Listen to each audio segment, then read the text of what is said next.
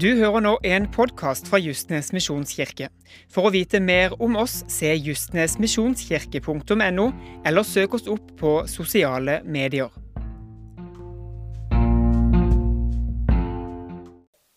I 1. Peters brev 5,7 så står det Kast all deres bekymring på ham, altså på Gud, på Jesus, for han har omsorg for dere. Kan du kjenne noen ganger at du syns det er vanskelig å kaste alle bekymringene på Jesus? Det kan iallfall jeg kjenne. Og skal, Så kommer jeg til noen vers litt senere, så du kommer til å tenke jo, men det her er jo helt vilt. Og det er, og det er vilt, for det utfordrer dere noe veldig. Men i dag så har jeg lyst til å prate om bekymringer. Og vi kjenner jo alle det at bekymringer kan tårne seg opp. Og hvis det skjer, så kan det skje, og hvis det skjer, så kan det skje. Så blir det sånn, så blir det sånn, så blir det sånn. Og så er det det verste som kan skje. Og Ofte så skjer jo ikke det verste som kan skje. Det tror jeg òg mange her inne kan kjenne seg igjen i. Og jeg husker det som liten gutt. Så bekymra jeg meg mye, og jeg bekymrer meg fortsatt. Men jeg syns kanskje at jeg de siste årene bekymrer meg mindre. Men så ble jeg pappa, og så begynner du å bekymre deg mer. Og så har jeg forstått at jo større barna blir, jo mer bekymrer du deg. sant?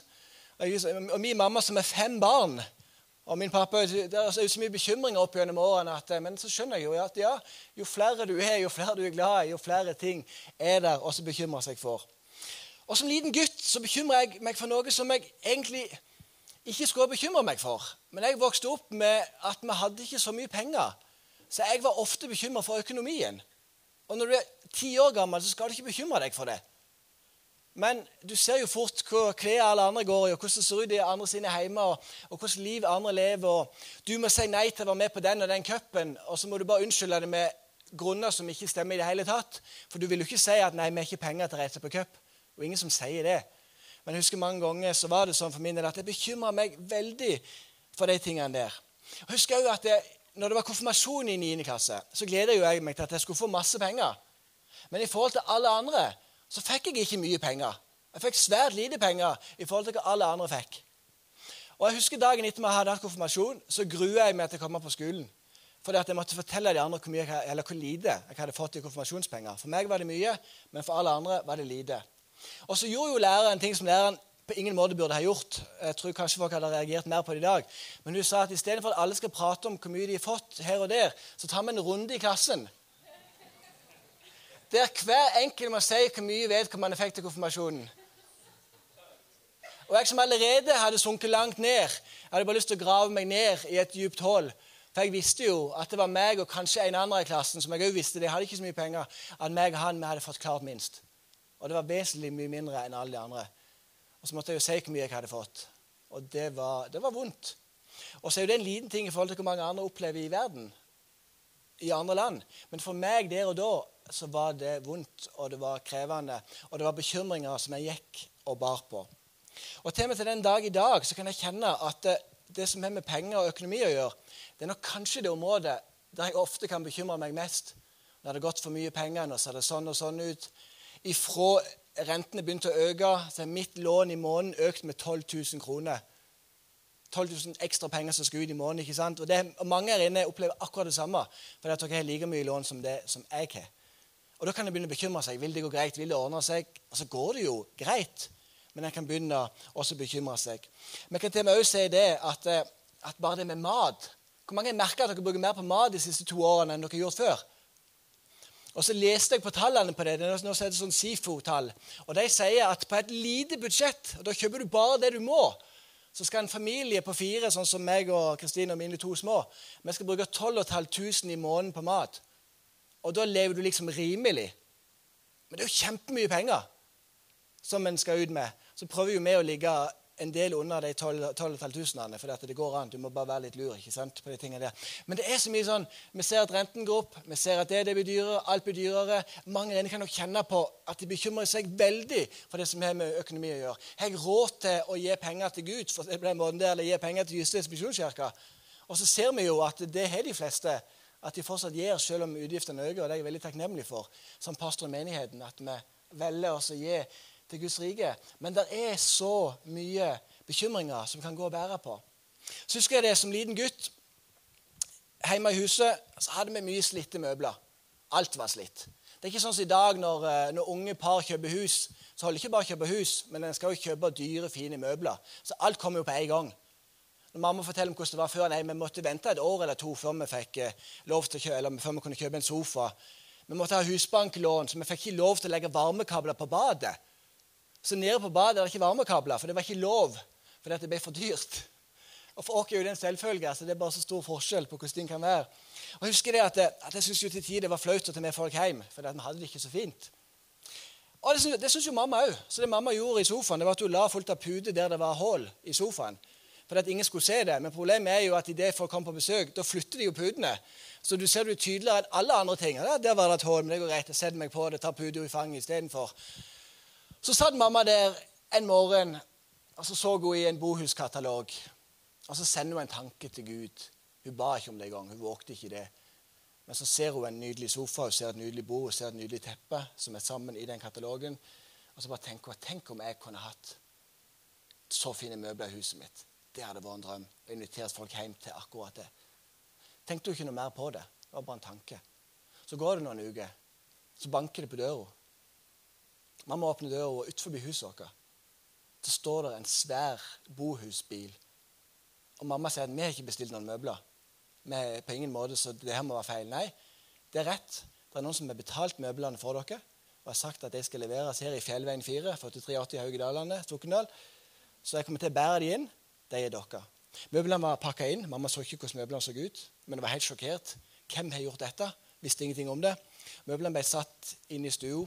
Og når han bohusmannen, eller de to som bar, begynte å åpne opp møblene, så ser mamma at det var akkurat den sofaen hun hadde sett på, det var akkurat det bordet hun hadde sett på, og det var akkurat det teppet som mamma hadde sett på i bohuskatalogen. Hun hadde ikke sagt det til noen folk, men allikevel så fanga Gud opp den tanken.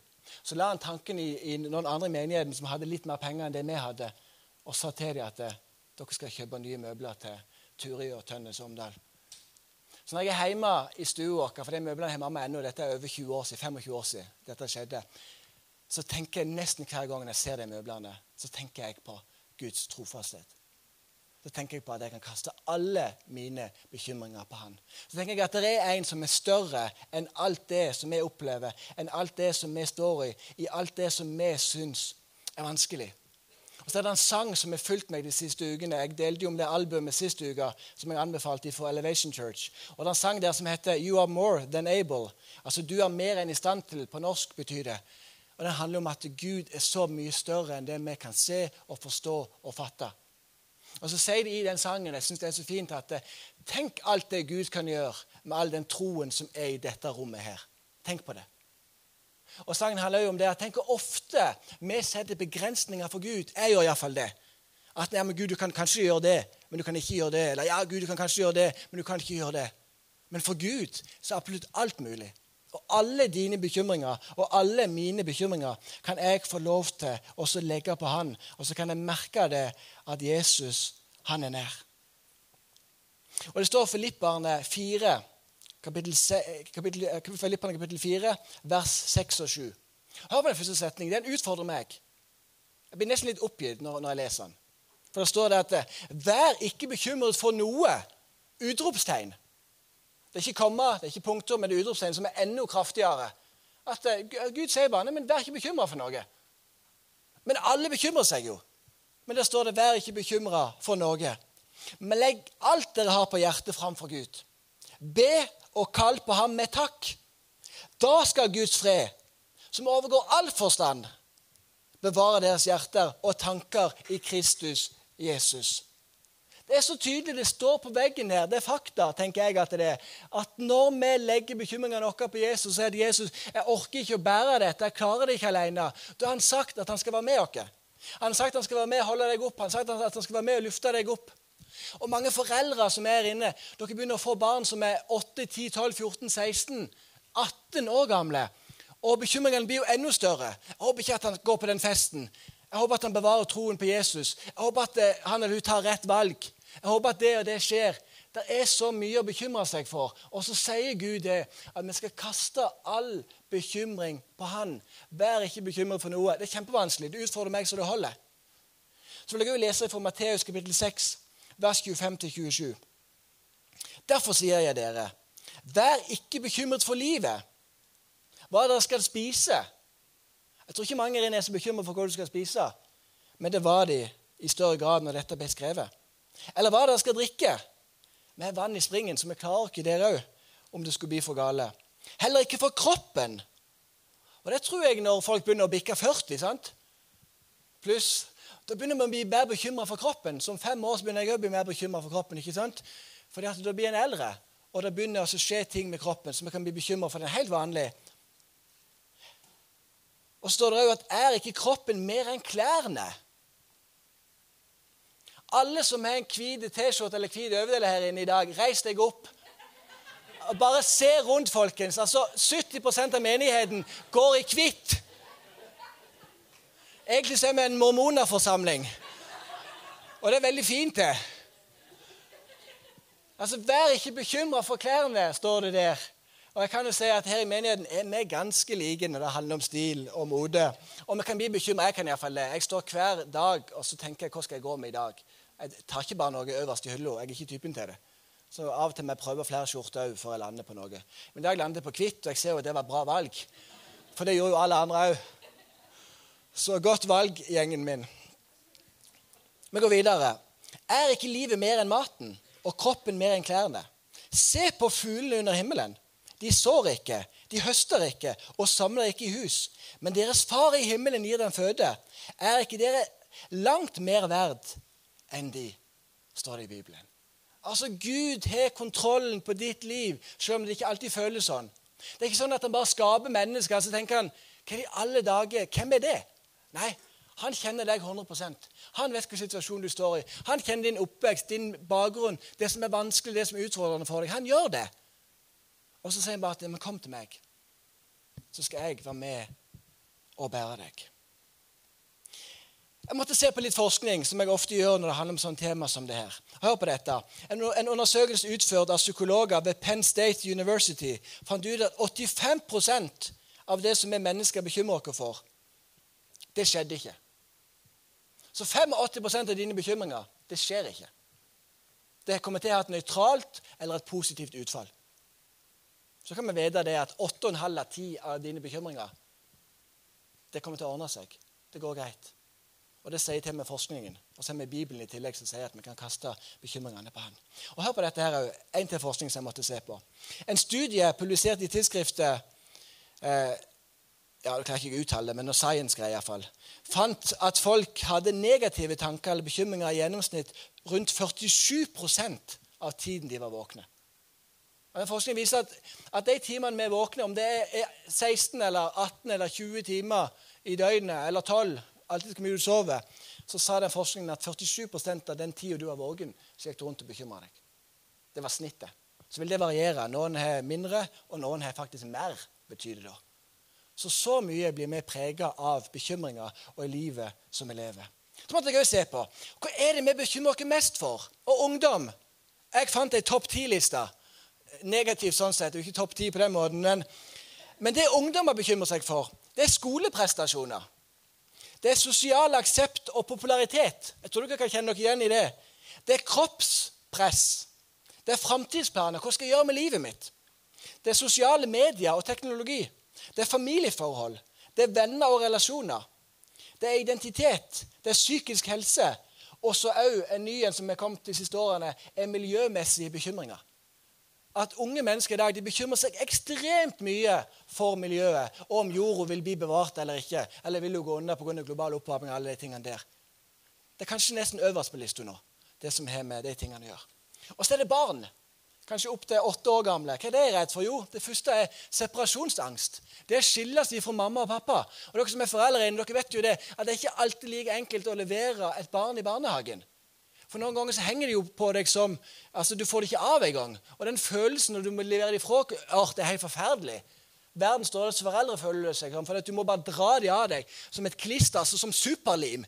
Bare prøve å få dem av deg.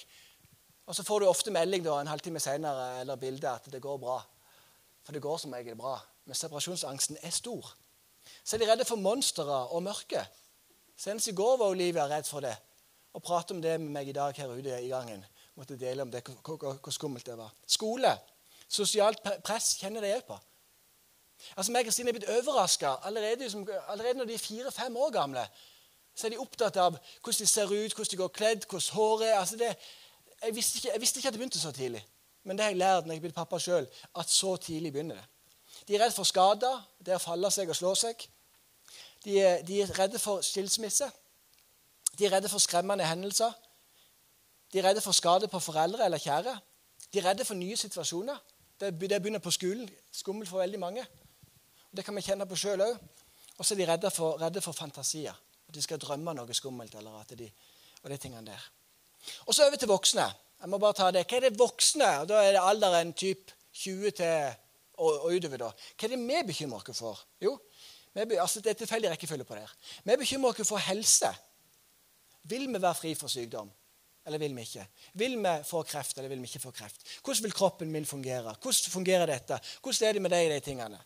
Det andre er økonomi. Vil jeg ha nok penger til å gjøre det som jeg vil, og det som jeg ønsker, og gi ungene mine en god oppvekst? Det tredje er forholdet. Hvordan vil ekteskapet mitt være? Hvordan vil kjæresteforholdet mitt være? Hvordan er mitt forhold til mine barn og relasjoner rundt dere? Fremtida er nummer fire. Arbeid er nummer fem. Hvordan trives du på arbeid? Hvordan er det på jobb? Er det mye stress? Er det krevende? Er det vanskelig? Har du en krevende sjef? Altså pluss, pluss, pluss, pluss, pluss. Masse bekymringer rundt med de tingene der. Personlige prestasjoner er jo noe som er kommet de siste årene i enda større grad. At det å levere på jobben og gjøre det bra, det å imponere andre mennesker. Det er kjempehøyt oppe på lista av bekymringer. Er jeg god nok? Strekker jeg til? Klarer jeg å hele veien være litt bedre enn alle andre? Og Problemet er at alle klarer ikke å være litt bedre enn alle andre. Noen må være gjennomsnittet. Sånn er det bare. Men vi bekymrer oss for det hele veien. Miljø og verden har vi begynt å bekymre oss mer for.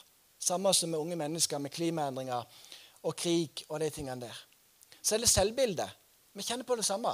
Jeg blir overrasket over meg sjøl mange ganger. Jeg er 35 år gammel, og allikevel så kan jeg kjenne noen ganger, oftere enn jeg skulle ønske, at selvbildet ikke var så bra som jeg hadde håpet. i det hele tatt. Utrolig hvor rart det er at det er fulle. Jeg er trygg på meg sjøl, ja. Men en er, en er, avhengig av å få positive kommentarer, oppmuntringer i møte med mennesker for å ha en bra, for å ha bra selvbilde, selvtillit, selvfølelse. De tingene der. Så er det barn.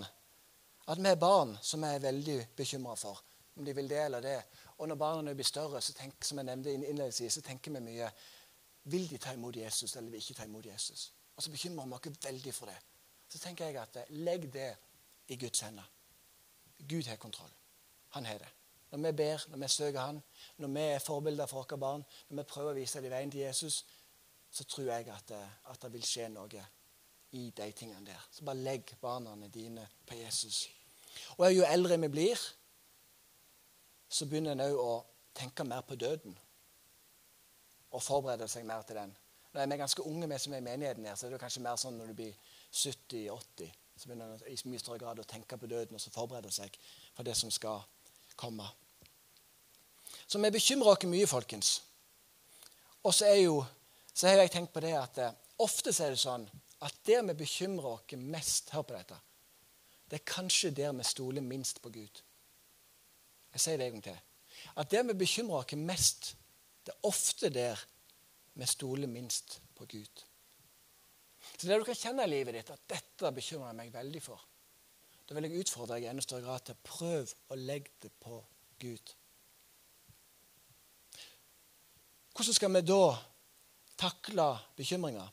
Og da jeg begynte å skrive på dette, Jeg hadde jo en liste som var lang som et vondt år. Og så er det jo å prøve å bare få det ned til noen få enkle punkt. Og tre punkt har jeg lært på Ansgar-skolen at det er det beste. Så jeg har tre punkt her mot slutten av det som jeg skal si i dag. Og det første er jo sånn som det alltid er. Det er jo det som jeg sa først. Kast alle deres bekymringer på ham for han har omsorg på dere. Det er å søke Gud gjennom Bibel, og det er å søke Gud gjennom bønn. Det er klart at Leser vi jevnlig i Bibelen og får de oppmuntrende, positive ordene som Bibelen har veldig ofte, så gjør det noe med mindsetet vårt. Det gjør noe med måten som vi tenker på. Og Bibelforskere har sagt at det er over 3600 oppmuntrende løfter i Bibelen som du kan lene deg på. Så det betyr jo at det er ti løfter hver eneste dag på jorda som du lever. Så det er det første jeg vil si til dere. At søk Gud. Legg det på Han. Si Gud, jeg trenger at du bærer bekymringene sammen med meg. Så vil du merke at han gjør det. Og Jeg elsker jo salmen til Line Sandell som heter 'En liten stund med Jesus'. Jeg skal bare lese første vers. Hør på dette. En liten stund med Jesus, og hvor den jevner alt. Så lyst og lett blir livet, som før var mørkt og kaldt. Når jeg blir trett på veien av alt som møter meg, en liten stund med Jesus, og alt forandrer seg. Det skjer noe når vi tar en liten stund sammen med Jesus i Bibel og bønn. Det andre jeg vil si, er finn noen å prate med og be sammen med. Finn noen som du stoler på. Finn noen som har lyst til å høre på hvordan livet ditt er. For vi trenger alle noen som vi kan kaste bekymringene på. Ja, vi kaster dem på Gud, vi gjør det. Men vi trenger jo noen personer rundt oss som vi kan kaste bekymringene på. Det står i Romane 12, 15, Del deres gleder med de glade, og deres sorger med de bedrøvede. Så står det i Galaterne 6,2.: Bær byrdene til hverandre, og oppfølg på denne måten Kristi lov. Så vil jeg òg lese et vers til der jeg har glemt å skrive hvor det står. men kanskje det står på PowerPointen, men dette står iallfall i Forkynneren, hvis jeg husker rett. Så står det det om to går sammen, får de varme. Men hvordan skal en som er alene, holde seg varm? Og om én angripes, kan to stå imot.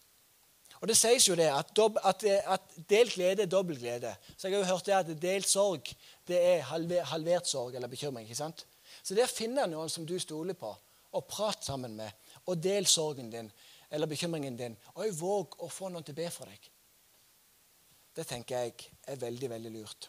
Og det siste jeg vil si, det er begrens nyhets inntaket ditt. Tenk hvor mye nyheter du leser i løpet av en dag. Og tenk alle gangene du er inne i løpet av en dag og sjekker nyheter. Det er ganske ofte. Og som jeg har sagt før, så bruker vi ofte mer tid på å oppdatere oss hva som skjer i den vanlige verden, enn vi bruker på å oppdatere oss på hva som skjer i den åndelige verden. Bibelen sier at du er bra nok, men sosiale medier sier generelt at du ikke er bra nok. Bibelen sier at du er alt som du trenger.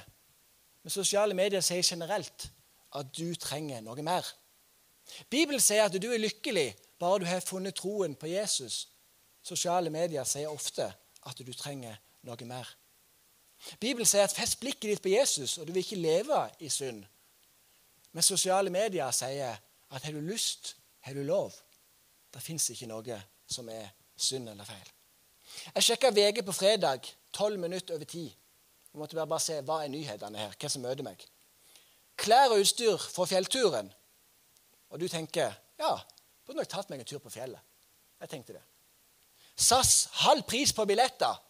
Og du tenker jeg burde reise på en ny tur. Enig? Volkswagen 75 år i Norge. Noen, en, noen, tenker for en drittbil, men det er ikke poenget her. Men nå tenker, så står det jubileumskampanje, og du tenker jeg skulle hatt meg en ny bil. Og Jeg skal være ærlig si, jeg tenkte jeg burde hatt meg en ny bil tenkte jeg når jeg leste det. Så leser vi videre. Bitter konflikt om pengene. Gruer, gruer oss til å ta telefonen. Trostet Putin, nå er de døde. 24 røde flagg.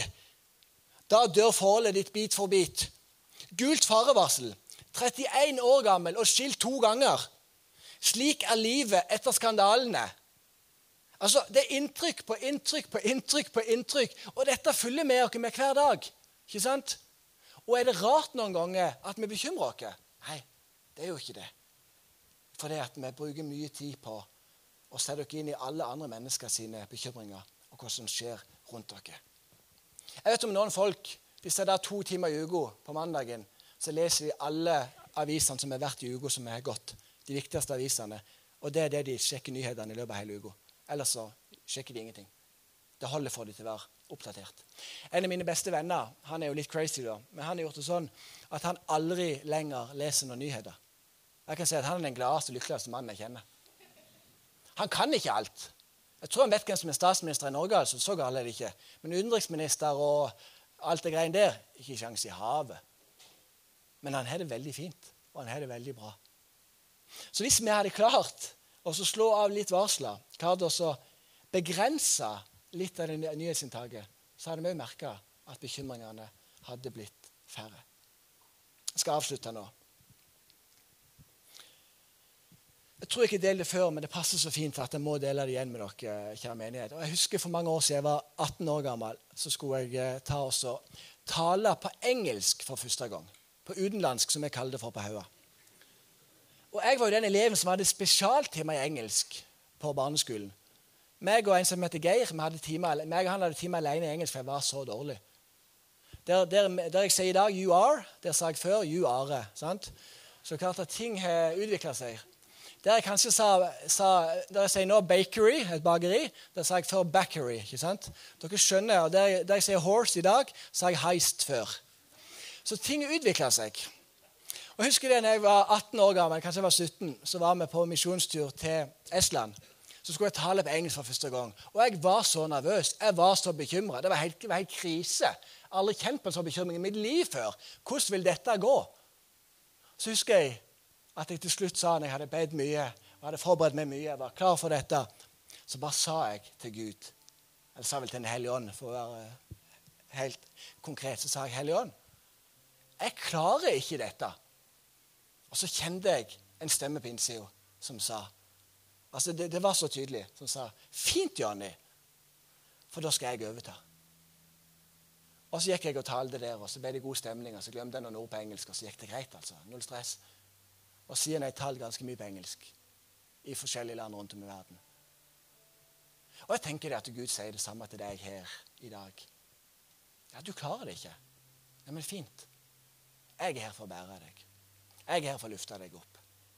Jeg er her for å si at det er håp, det er framtid. Jeg vil lede deg gjennom det som er vanskelig, det som er krevende.